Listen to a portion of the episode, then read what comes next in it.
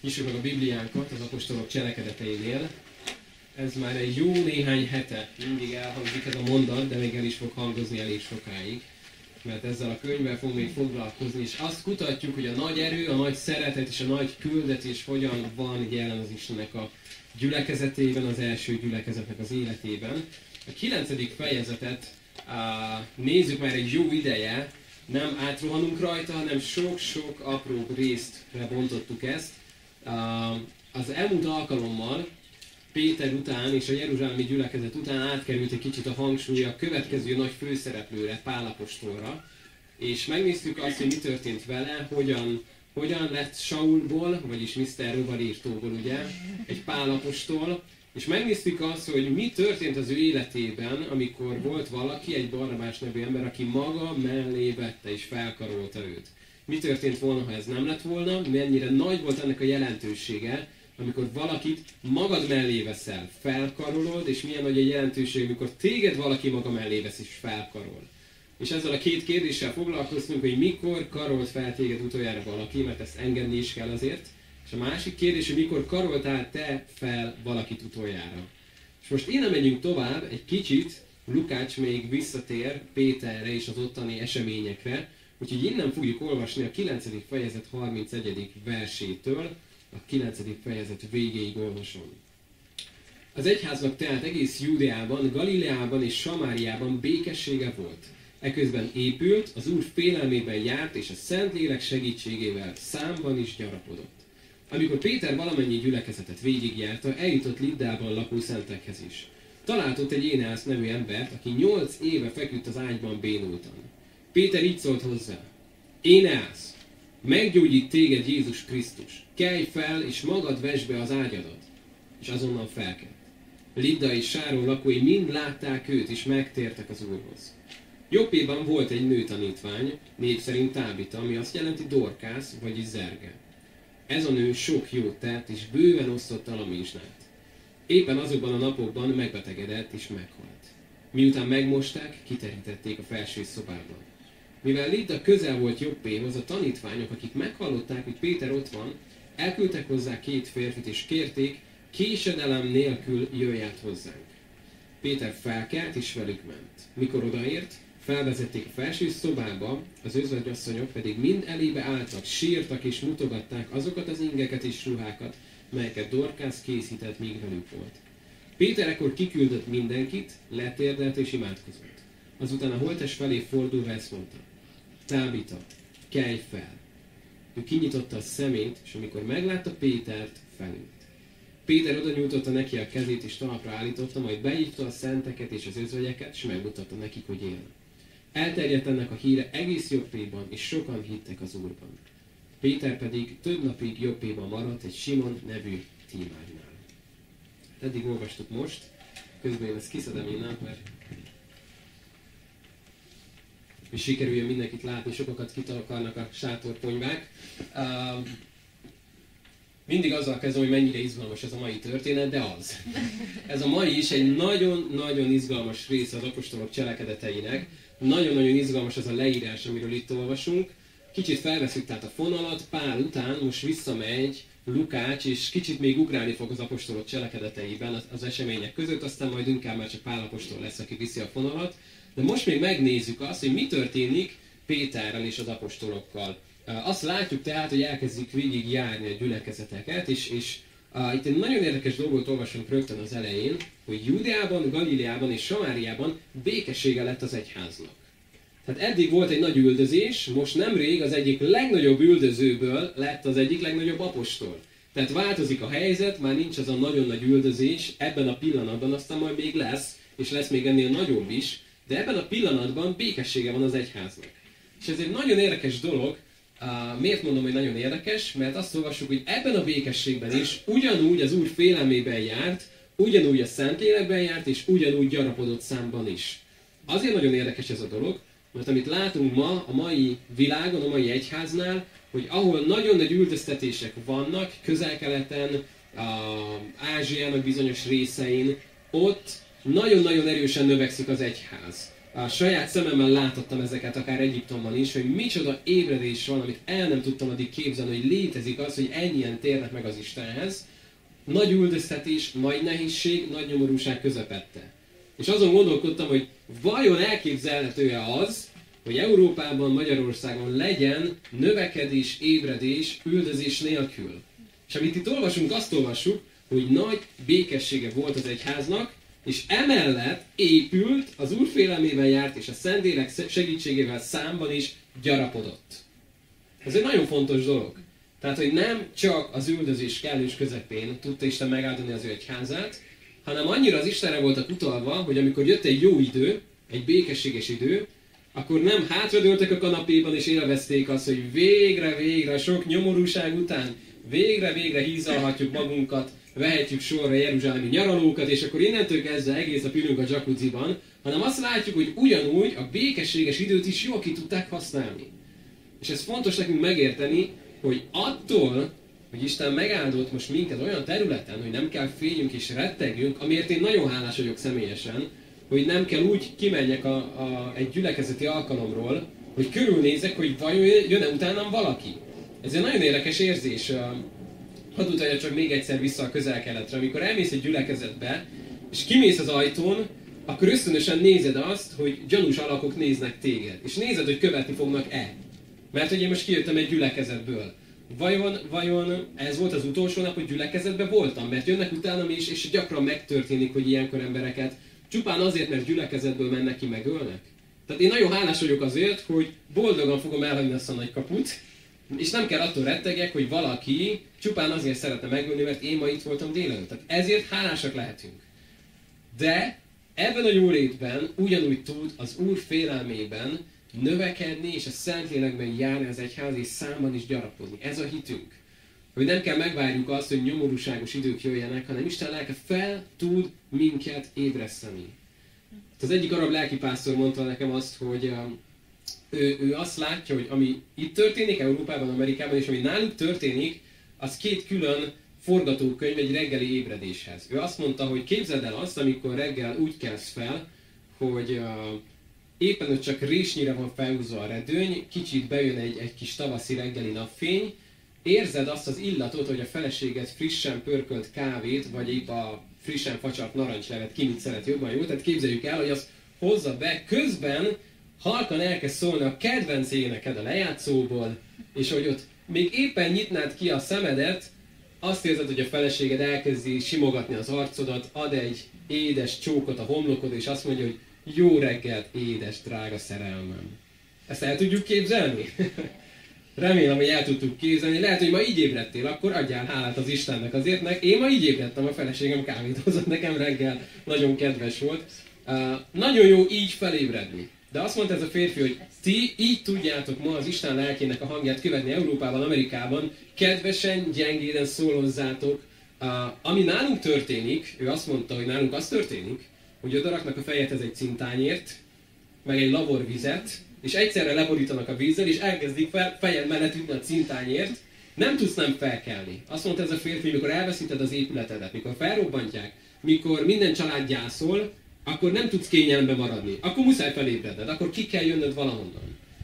De fel lehet ébredni kedvesen is, nem? És ez a hitem, hogy az egyház fel tud ébredni úgy is, hogy nem kell megvárni valami tragédiát, valami szörnyűséget, hanem Istennek a drága lelkének a kedves, szelíd hangja tud minket belülről felébreszteni. Anélkül, hogy mondjuk valami borzalmat át kellene éljen, tudjuk az életünket megújítani és odaszánni az Istennek. Hogy az oda fennvalókkal törődjünk, ne a földiekkel, mert meghaltatok, és a ti életetek el van rejtve Krisztussal együtt az Istenben. Kolossé 3 mondja Pál. Oda fennvalókkal törődjünk, ne a földiekkel. Ebben nagy segítség, hogy elveszíted az összes földidet, mert nem tudsz már vele törődni. De attól, hogy még van földid, dönthetsz úgy, hogy elkezdek az odafennvalókkal törődni. Hát ez, ez adja meg nekünk az Isten, mert azt látjuk, hogy itt épült a gyülekezet, az Úr félelmében járt, és szó szerint azt mondja itt Lukács, hogy te teljesedett be a Szentlélek vigasztalásával. Teljesen megtöltekezett ezzel a vigasztalással, amit néha a Biblia vigasztalásnak, néha buzdításnak, néha intésnek fordít ezt a szót. És azt mondja, hogy ezzel telve volt az Istennek a buzdításával, vigasztalásával, bátorításával. És ebben járt. És hogy Lukácsra jellemző, hogy mond egy állítást, akkor hoz rá egy-két példát, hogy ez be is bizonyítsa. Itt jön egyből két példa, hogy hogy nézett ez ki a gyakorlatban. Olvasunk egy Jénász nevű férfiról, 8 éve volt béna. 8 éve. Uh, emlékszek arra, amikor uh, egyetemista voltam, és nem tudtam menni fogorvoshoz, mert ő nagyon sűrű volt a vizsgaidőszak, a fogorvosom nem is volt bent, sőt le is volt zárva az, ahova menni kellett volna, és egy hétig fájt a fogam. Emlékszek arra az egy hétre, hogy úgy éltem meg, mint a három év lett volna. Egy hét. Ez az ember nyolc éve. Nyolc éve volt béna. Nem tudom, hogy voltál-e már olyan helyzetben, ami nyolc éve tart. Egy szörnyűséges, tragikus helyzet. Ez az ember nyolc éve volt béna, és az Isten meggyógyította. És itt van a másik tábít, a Dorkász vagy Zerge, akit Péter feltámaszt, de mielőtt még ezekre rátérnénk, miért beszél Lukács ezekről? Azért, mert bemutatja azt, amit már olvastunk, és olvashatunk több helyen is, hogy az Isten pedig együtt munkálkodott a tanítványokkal, megpecsételve az ige hirdetést a nyomába járó jelekkel és csodákkal. Itt nagyon-nagyon fontos látni újra és újra a sorrendet. Azt olvassuk, hogy a tanítványok kimentek, és hirdették az örömhírt, ez volt az első lépés. Ez volt az egy. Ezzel kezdték. És amikor ezt csinálták, a második lépés az volt, hogy az Isten pedig együtt munkálkodott velük, megpecsételve, ráütve a bélyeget az ige hirdetésre, jelekkel és csodákkal, hogy bebizonyosodjon, hogy amit hirdetnek, amit mondanak, az valóban úgy van. Miért mondom, hogy nagyon fontos sorrend? Nem fordítva történt. A tanítványok nem zsebre dugott kézzel ültek, és azt mondták, hogy Istenem, hogy csinálsz valami hatalmas nagy csodát, valami óriási nagy égzendülést, mi majd oda megyünk, és mondjuk, hogy ezt tudjuk, hogy ki volt. Ez az Isten volt, csak megvártuk, hogy megcsinálja.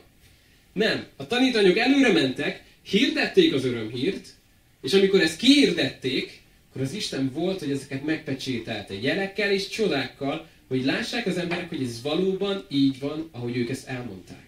Ahogy Pál azt mondja a korintusi gyülekezetnek, hogy mehettem volna közétek úgy, hogy a, az emberi szavaknak a úgymond bölcsességével és szónoklatával uh, hathattam volna rátok, de nem ezt tettem, mert nem azt akartam, hogy a ti hitetek emberek bölcsességén nyugodjék, hanem az Isten erejének megtapasztalásán. És beszél arról, hogy ez Korintusban megtörtént, hogy ők maguk átélték és megtapasztalták az Istennek az erejét és érintését. És nagyon fontos az, hogy itt a fejünkben helyes legyen az ismeret, és az igazsága a helyén legyen, de másrészt nagyon fontos az, hogy megtapasztald az Istent. Ez a kettő jó, hogy egyensúlyban van mint a madárnak két szárnya. Melyik a fontosabb a madárnak, a bal vagy a jobb szárnya? Mindkettő. Akármelyiket vágod, de nem fog repülni. Vagy ha valami csoda folytán, akkor körbe-körbe fogja csinálni, nem tudom, hogy hogy lenne rá képes. Mind a kettő szárnyára szüksége van egy madárnak. Szükségünk van az ismeretre, az ige ismeretre, az igazságra, ami az elménket megújítja, átmossa, és szükségünk van arra, hogy megtapasztaljuk az Istent. És itt nem csak az érzelmekről van szó, hanem az átélésekről. Az, hogy legyenek Istennel való találkozásaid, átélések. Mi történik, ha csak az egyik vagy csak a másik van meg?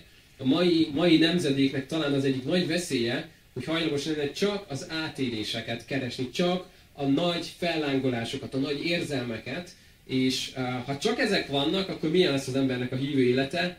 egy ilyen nagyon-nagyon gyors hullámvasút, mert egyszer van egy nagyon jó átélés, aztán nincs, aztán megint van, megint nincs, megint van, megint nincs. Most érzem, hogy Isten szeret, most nem szeret. Most nagyon van kedvem bizonyságot tenni, most nagyon nincs, és egy ilyen érzelmi hullámvasút lesz. A másik oldal, hogy csak az ismereteink vannak, és csak az elménket növeljük, akkor tud a hívő életünk egy nagyon szilárd, nagyon stabil, de borzasztó száraz hívő élet lenni. Ha nincs ott benne az, hogy megtapasztalom és átélem azt, hogy az Isten meglátogatott az éjjel, hogy beszélt hozzám, hogy találkoztam vele, és nem csak kövületeim vannak a hívő életben, hogy egyszer valamikor az Isten megérintett, hanem átélem azt vele újra és újra és újra, és ez a kettő egyensúlyba kell, hogy legyen. Na de nézzük meg, hogy miért történtek ezek a csodák. A csodák nem a csodák miatt történtek. Nem azért, hogy lenyűgözzék az embereket, hanem mindig azt olvassuk, hogy a csoda után mi történt. Emberek elkezdtek megtérni, hinni az Istenben. Hát, hoztam néhány példát. Kigyűjtöttem egy néhány nagyon érdekes történetet a egyháznak a történelméből, amik egy kicsit mutatják azt, hogy, hogy hogyan is működik ez, amikor Isten természetfeletti módon beavatkozik az egyház életébe. Én nagyon-nagyon szeretem a történeteket, ezt talán már tudjátok rólam, mert nagyon megmaradnak bennünk, mély nyomot hagynak, és, és általunk sok mindent tud az Isten tanítani nekünk. Kezdem az elsővel, 1731-ben született egy William Cooper nevezetű személy Angliában, aki egy nagyon híres költő, nagyon híres, hát ilyen nagy gondolkodója lett a nemzetnek, viszont 32 éves korában olyannyira depressziós lett, és olyannyira nem látta az élet értelmét, hogy öngyilkos akart lenni. Mit csinált ez az ember? Beopium, beopiumozta magát, és annyira még, még magánál volt, hogy le tudott inteni egy hintót, és megkérte a hintóstól, hogy vigye el az egyik híthoz, ott rakja ki, mert az volt a terv, hogy ott bele fog ugrani a folyóba. Uh, amikor elindultak, olyan nagy köd lett Londonban, hogy a hintós azt mondta, hogy ilyen még vele nem történt, de nem találja a hitat, nem találja az utcát. Nem tudja, merre kell menni, és, és eltévedt. És körbe-körbe mentek, úgyhogy egyszer azt mondta William Cooper, hogy jó, akkor hagyjuk az egészet, kifizetem, én most kiszállok itt, és elmegyek én magam gyalog a híthoz. Amikor kiszállt a hintóból, a saját háza ajtajánál szállt ki. És nem tudta hova tenni a dolgot, hogy miért, hogy, hogy, hogy, hogy, hogy kerültem ide vissza. De már annyira elfáradt, hogy nem volt kedve elsétálni a messzi híthoz, úgyhogy azt mondta, hogy holnap majd öngyilkos leszek. Másnap reggel kikészített egy kést, amiben bele akart ugrani. Uh, jól sikerült az ugrás, de a kés annyira tomba volt, hogy nem sebezte meg. Utána újra gondolta, és felkötötte magát, hogy akkor így fog magával végezni. Uh, majdnem sikerült neki, de valaki észrevette, és egyből levágta, és nem tudott meghalni. És az a férfi teljesen maga alá került, hogy miért nem tudom megölni magam. És a következő dolog, amit tett végső elkeserítésében, hogy elővett egy Bibliát a, a, a polc, polcról, el, kinyitotta valód, és kinyitotta a római levélnél. Elolvasta, és ott helyében átadta az életét Istennek. Megfogalmazott ez a William Cooper akkor egy mondatot, ami így szólt, hogy Isten útjai kifürkészhetetlenek. Ő volt az első, aki ezt a mondatot mondta, majd írt erről egy verset, amit meg is zenésítettek. Az egyik legjobb barátja egy John Newton, aki például az Amazing Grace, az Új Irgalmat című éneket írta, és ő volt az egyik, aki nagyon keményen fellépett a rabszolgaság ellen. De onnan indult az élet, hogy háromszor akarta megölni magát, és háromszor nem sikerült. És azt mondta, hogy az Isten útjai kifürkészhetetlenek. És amikor ezt elmesélte a barátainak, volt, aki azt mondta, hogy ez mind véletlen volt, de volt, aki azt mondta, hogy te, az Isten belenyúlt az életedbe. Hadd meséljek egy másik emberről, Kairóba született, egy, egy vonatnak a vezetője lett ő, és ilyen dízel vonatokat vitt Kairóból Haifába mindig. Egyik reggel korán kellett indulni a szerelvénnyel, és minden rendben volt egy, egy esős időszakban, ez nagyon ritka Egyiptomban, de akkor épp egy nagy esőzés volt, és hajnalig háromkor megállt a, a mozdony, nem ment tovább. És nem értette, hogy mi történik.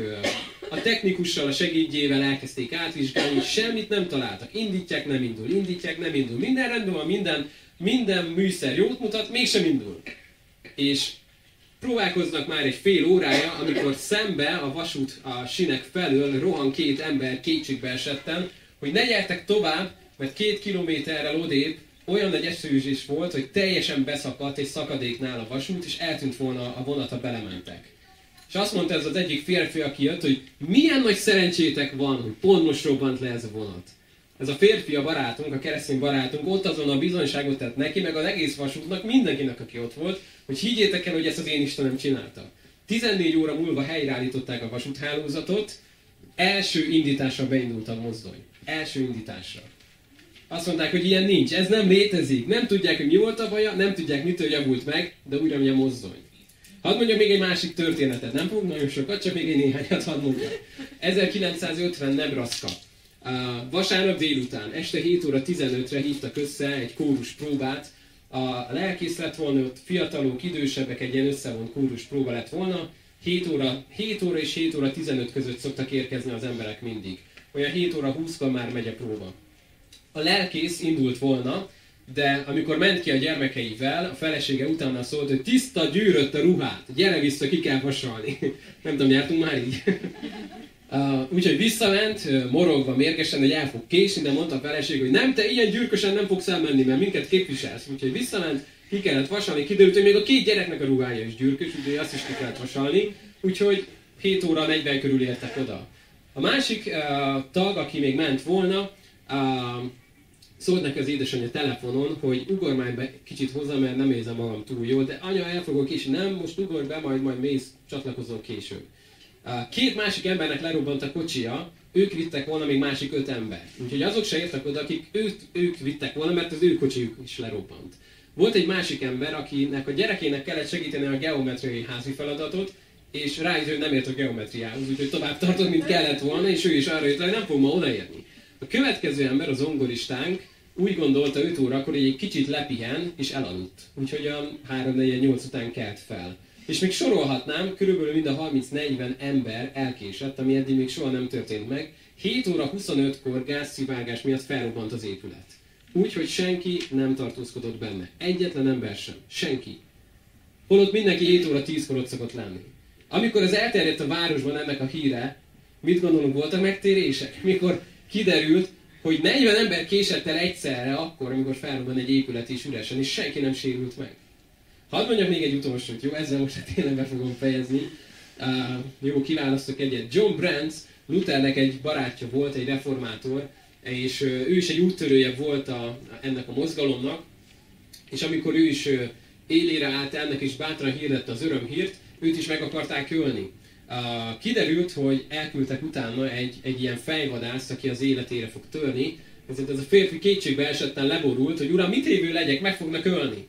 Azt mondta neki az Isten, menj be a következő faluba, lesz egy háznak, amelyeknek nyitott lesz az ajtaja. Menj be, menj fel a tető alá, kapaszkodj meg, vigyél magaddal egy nagy kenyeret. Hát ez elég konkrét volt ez az utasítás, úgyhogy ezt tette az ember, bármilyen furcsa is volt bemenni egy üres házba, úgymond betörni, de nyitva volt az ajtó, ahogy látta is, felment a tető alá, és ott volt egy kenyérrel a kezében. És azon gondolkodott, hogy de ha sokáig kell itt legyek, a kenyérrel én nem fogok jól lakni. Mi, mi fog itt tör? Hogy fogok én inni? Elkezdett esni az eső, pont egy repedésen jött neki a tiszta finom víz. 14 napig volt ez a férfi a tető alatt, minden egyes nap, ugyanabban az időpontban megjelent egy tyúk, ami feljött oda, a feje elé állt, és oda tojt neki egy tojást. Minden egyes nap, 14 napon keresztül. 15. nap reggelén nem jött a tyúk, és ez furcsálta is, hogy hol van a reggelie és hallotta akkor, hogy az utcán mondják az emberek, hogy elment az a fejvadász, aki kereste ezt az embert. Ilyenkor eszünkbe jutnak, nem, hogy hollókkal táplálta Isten a profétáját, meg stb. Sok-sok minden eszünkbe jut. Na most ez az ember, mikor elmesélte ezt a történetét, az emberek jöttek és tértek meg. És ezt nem azt mondom, hogy minden egyes helyzetben ez történt az egyházon, mert a zsidók 11 beszél arról, hogy igen, vannak, akik akik imádkozás által visszanyerték halottaikat, és vannak, akik hatalmas csodákat éltek át, és a falak omlottak le, és a vízen keltek át. És aztán mondja utána a zsidókhoz itt levél, hogy viszont vannak azok is, akiket ketté fűrészeltek, akiket megöltek, kardére hánytak, akikre nem volt méltó a világ, akik majd később látják meg az ígéreteknek a beteljesülését. Ez nem a mi dolgunk eldönteni, hogy Isten mikor és hogyan fog cselekedni, mert beszélhetnénk olyanokról, akik meg megsérültek. És sok-sok a történet lehetne arról, amikor valaki nem gyógyult meg. De most nem ez a lényeg, hogy mi döntsük ezt el, hanem az, amikor mi hittel lépünk, és az Isten oda teszi magát, akkor tudunk rámutatni, hogy egy percig se gondoljátok azt, hogy ezek mi voltunk. Ez az élő Isten volt, aki cselekedett. Emlékszek, gyerekként még nem voltam megtérve, és egy sátoros evangelizációt tartottunk, és nekem az nagyon nagy élmény volt, hogy sátor, meg kábelek, és hangszóró, és milyen jó minden. És a kezdés előtt, mikor kapcsoltuk volna be a végfokot, ami meghajtotta volna ezt az egész rendszert, bekapcsoltuk, és hiányzott az a hang, hogy nem jött ez a hang. És én emlékszem, hogy nekem kell bekapcsolni, mondom, ezt nem tudom elrontani, egy kapcsoló van rajta, de nem megy. Felkapcsolom, nem megy, felkapcsolom, nem megy. És hát szólok a, a vezetőknek, hogy itt valami baj van, áram van, minden van, de nem kapcsol be a rendszer. Soha nem felejtem el azt, a lelkipásztor odajött, rátette a kezét, és azt mondta, názereti Jézus nevébe kapcsolj be. Néztem rá, hogy normális? Hát a kábelt kéne ellenőrizni, meg a biztosítékot, nem? Hozok csavarhúzót, hogy megnézzük, hogy nem elégett el benne valami. Mit csinál ez a jó ember? Hozzányúlt, benyomta és működött. És én ott ültem egész idő alatt, én semmit nem hallottam abból az estéből, ültem, hogy ez hogy történhetett meg. Ez miért történt meg? I- ilyen létezik, hogy az Isten így cselekszik. Ilyen létezik, és akkor én ott kis suhant fejjel ültem, és találkoztam az Istennek az erejével. Hogy Istenem, te itt most valamit tettél, amit én nem tudtam. Te belenyúltál, és valami történt. Emlékszek meg, mentem egyszer egy, egy, egy fiatal fiúhoz egy beszélgetésre, meghívott, és odaértem hozzá, és látom, hogy ö, kiskapu zárva, nagykapun egy nagy lakat van. A telefonját nem veszi fel. De úgy voltam vele, hogy nagyon kellene beszélgetni, egy lelki dologról kellett volna beszéljünk is. Kiabáltam, nem jött ki. Gondolkodtam, hogy mit évő legyek, mit évő legyek, hogyan, hogyan tudnék bejutni hozzá. És eszembe jutott ez a végfok. Rátettem a kezemet arra a lakatra, és azt mondom, hogy Úr Jézus, ha te most szeretnéd, hogy én bemenjek, akkor te csinálj valamit, és nyíljon ki ez a lakat. És valaki elhiszi, vagy nekem valaki nem, de az a lakat kinyílt. Én bementem a fiózé, és mondtam, hogy szerintem rossz a lakatotok, mert meghúztam és kinyílt. Nem, az egy, az egy nagyon jó új lakat. Nem mondom, na mindegy. Akkor dicsőség az Istennek, hogy be tudtam jönni. És utána egyből tudtuk folytatni ezt a beszélgetést már egy alapról, hogy az Isten az, akinek mondja magát. Tegnap, ma és mind örökké ugyanaz. És szeretném, hogy a tudna ma a hited növekedni ebben, hogy amikor látsz egy helyzetet, akkor merjél hittel imádkozni. Nagyon sok betegért imádkoztam, és nem gyógyult meg eddig mindenki. De amikor, amikor valakiért imádkozok, akkor azzal a hittel akarok imádkozni, hogy Úr Jézus, hogy te most itt csodát akarsz tenni, akkor dicsőíts meg a te nevedet. Bonke Reinhard Bonke, aki nagyon-nagyon nagy munkát végzett Afrikában, azt mondta, hogy amikor a századik emberért imádkozok, és az első 90 nem gyógyult meg, akkor is úgy akarok érte imádkozni, mint a mindenki meggyógyult volna. Azzal a hittel, hogy Uram, én most nem akarok hitetlen lenni, ha te most akarsz itt valamit tenni, akkor legyen meg a te dicsőségedre. És mit látunk itt Péternél? Oda megy, nagyon érdekes dolog, amit tesz, felhívják, hogy imádkozzon a, a halottért. Egy érdekes dolog, hogy mindenkit kiküld. Nem kellett a nagy a média nyilvánosság, nem kellett sok ember, aki nézze, hogy mi fog történni, mert nem ez volt a cél. Tett egy nagyon érdekes dolgot, imádkozott. Biztos vagy benne, hogy imádkozott az Isten. Az Uram, most mit akarsz? Mi legyen? Hogy legyen? Mit szeretnél tenni? Szeretnék elmondani egy, egy, egy érdekes történetet, ami nekem nagyon, nagyon érdekes volt. Bibliórán talán ez néha előjött, mikor a betegség gyógyulásokról beszélgettünk. A nagynéném nagyon megbetegedett, amikor én még 11 néhány éves lehettem, és úgy tűnt, hogy olyan daganatos betegsége van, amiből nem lesz gyógyulás, sőt, rövid időn belül az orvosok szerint meg fog halni.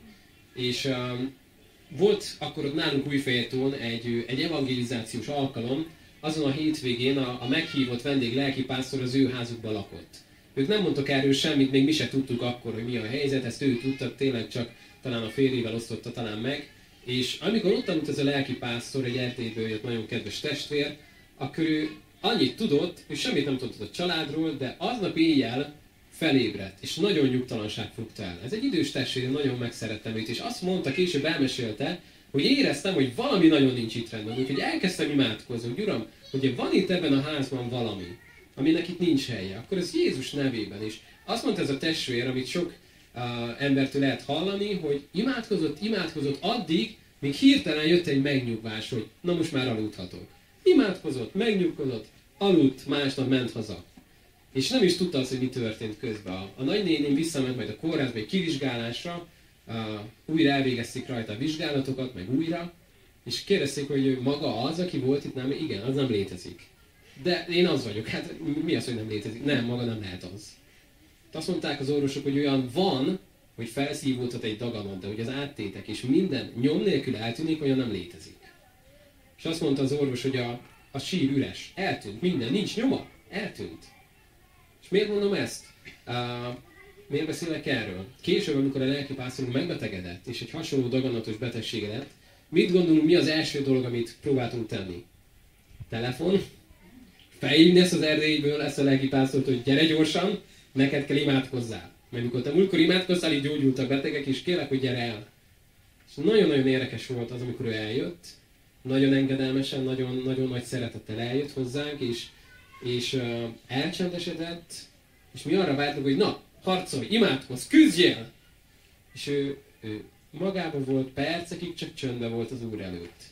És aztán azt mondta, hogy nem, most nekem nem kell imádkozzak. És nem értettem, hogy miért csinálsz ilyet? Hát nem most jönne az, hogy te ezt megharcolod? És azt mondta, nem, nem, nem, nem. Most az Isten mást adott nekem. Most ez nem az én dolgom. Nem kell, hogy imádkozzak ezért. Nem úgy kell imádkozzak. És ez egy nagyon érdekes dolog, amit látunk itt Péternél, hogy tudott elcsendesedni először. És az Istenre fél, Uram, mit akarsz most te itt tenni? És aztán az Isten meggyőzte őt, hogy most hittel kell imádkozni, és ez a, ez a beteg, ez a halott, ez fel fog támadni. És megtette.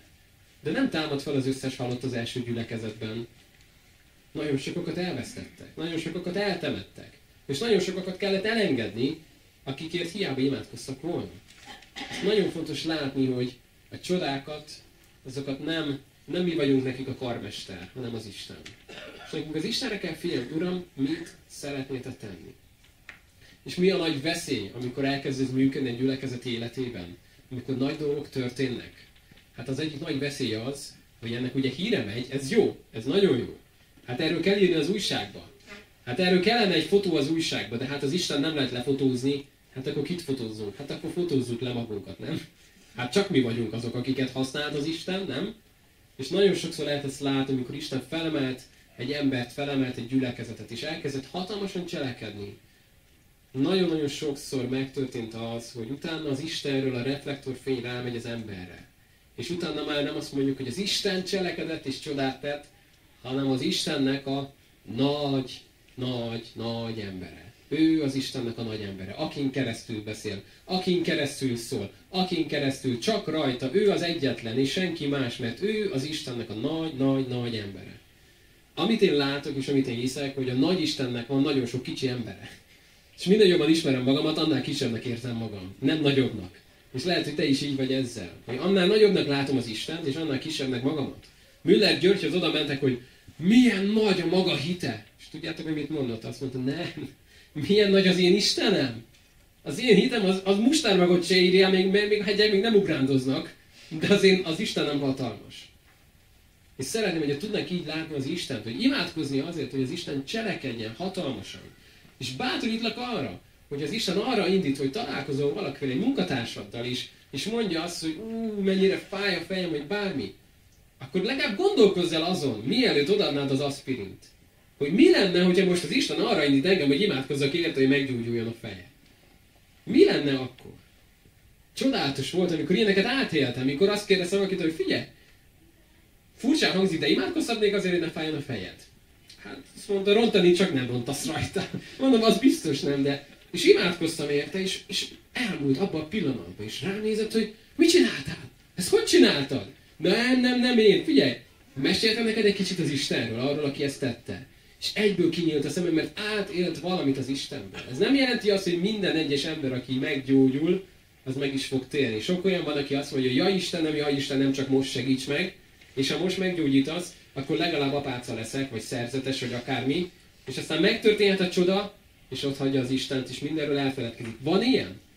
Mert egy csoda az még nem a megtérés, de tud eszköz lenni az Istennek a kezében, hogy itt látjuk azt, hogy Énásznál, Tábitánál az Isten az egész környéket megszólította.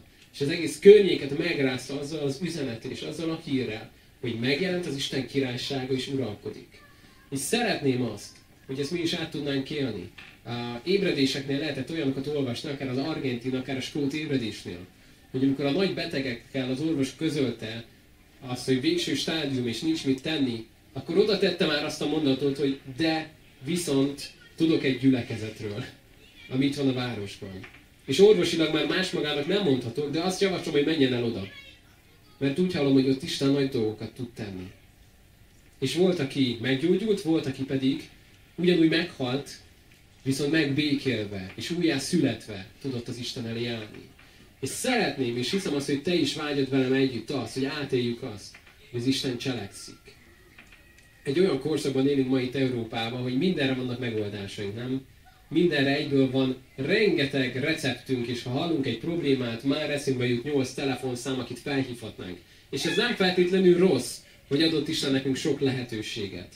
De hadd utaljak még egyszer ma vissza Egyiptomra. Nagyon megdöbbentett egy ima alkalom, amikor arról beszélt a, a, az, aki vezette ezt az alkalmat, hogy munkatársának eltört a keze, nem tudták meggyógyítani, nem tudták megműteni, vagy ha meg is lehetett volna, nem volt rá pénze. És, és úgy élt, úgy volt vele, hogy akkor mostantól az ő keze ilyen lesz. És nincs más megoldás. Mert nincs pénz, nincs orvos, nem tudják megműteni, akkor ennyi volt. És azt mondta ez a, ez a fiú, hogy és akkor azt mondtam neki, hogy figyelj, neked nincs más lehetőséged, csak Jézus Krisztus. Senki más nincs neked. Nem tudnak téged megmenteni, egyedül Jézus. Imádkozhatok érted?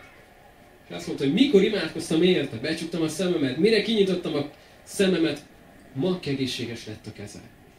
Nem volt más lehetősége. Nem, nem tudott időpontot foglalni egy kórházba, mert nincs, nem, nem tudott megoldani semmit.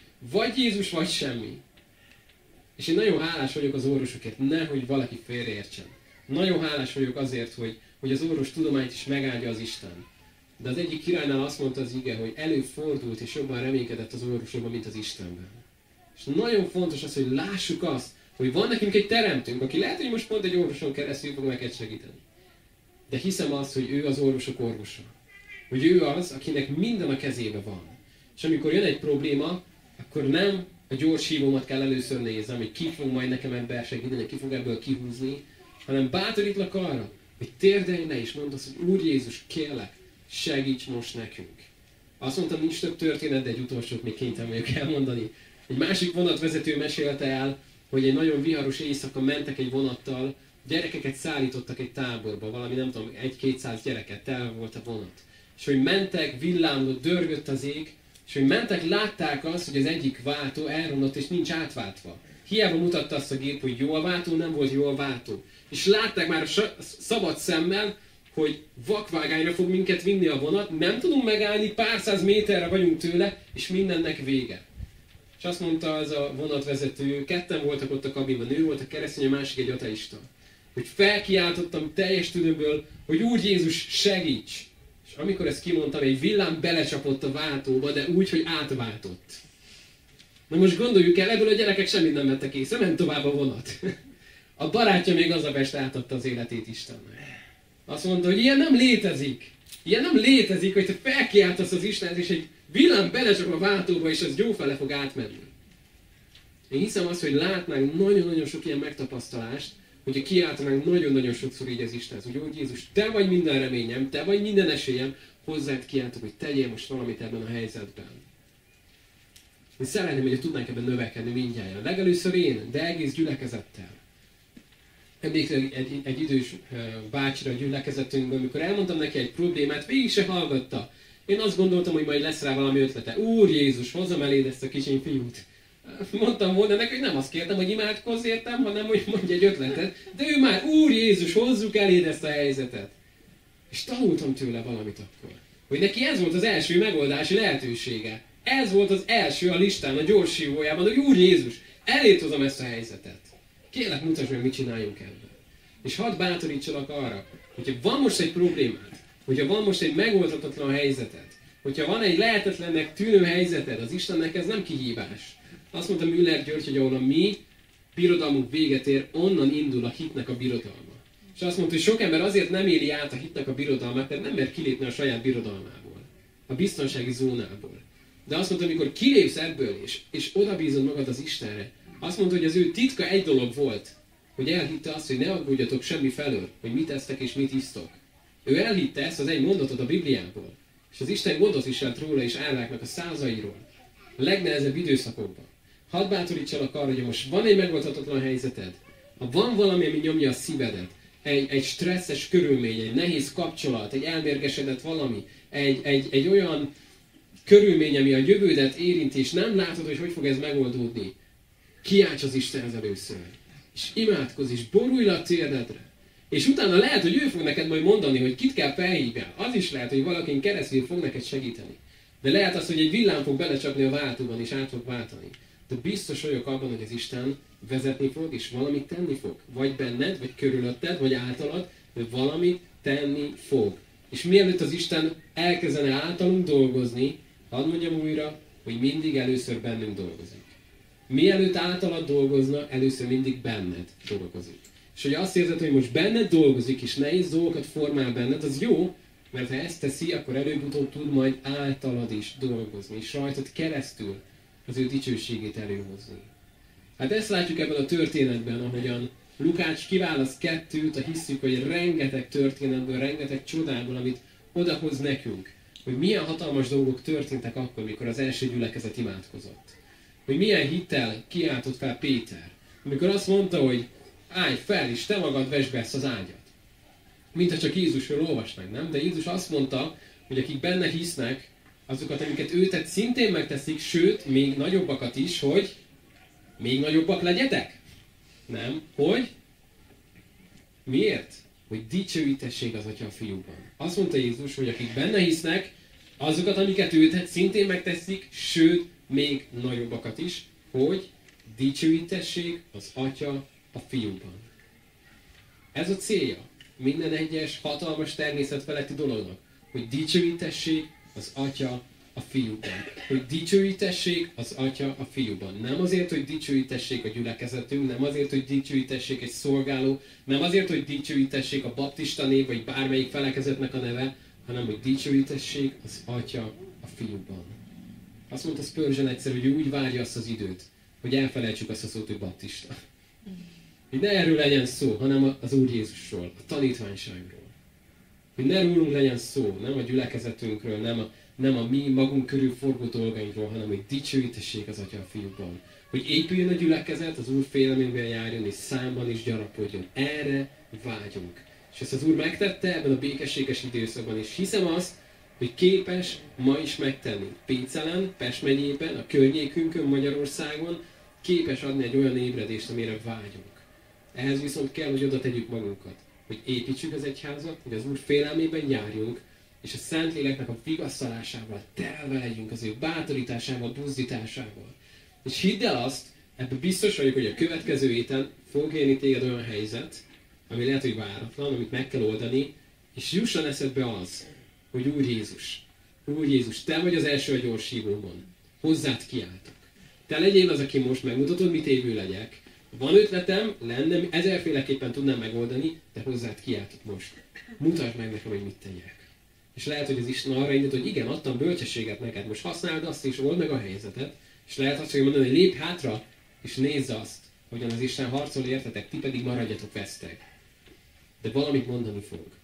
Erre bátorítlak most, hogy hozz az Úr elé a dolgaidat. Amit eléhozol, azzal kezd valamit. Rengeteg ígéret van a Bibliában, rengeteg. Az Biblia az ígéretek könyve, de nagyon-nagyon sok úgy kezdődik, hogy ha hozzám kiáltasz, ha nekem elmondod, ha engem segítségül hívsz, na akkor. Úgyhogy tedd aktívvá ezeket az ígéreteket azzal, hogy az Istenhez kiáltasz. Hogy megteszed a saját részedet, ami nem túl nehéz, és az Isten megteszi az ő részét, ami nekünk sokkal nehezebb lenne. De ő ezt megígérte. Amen.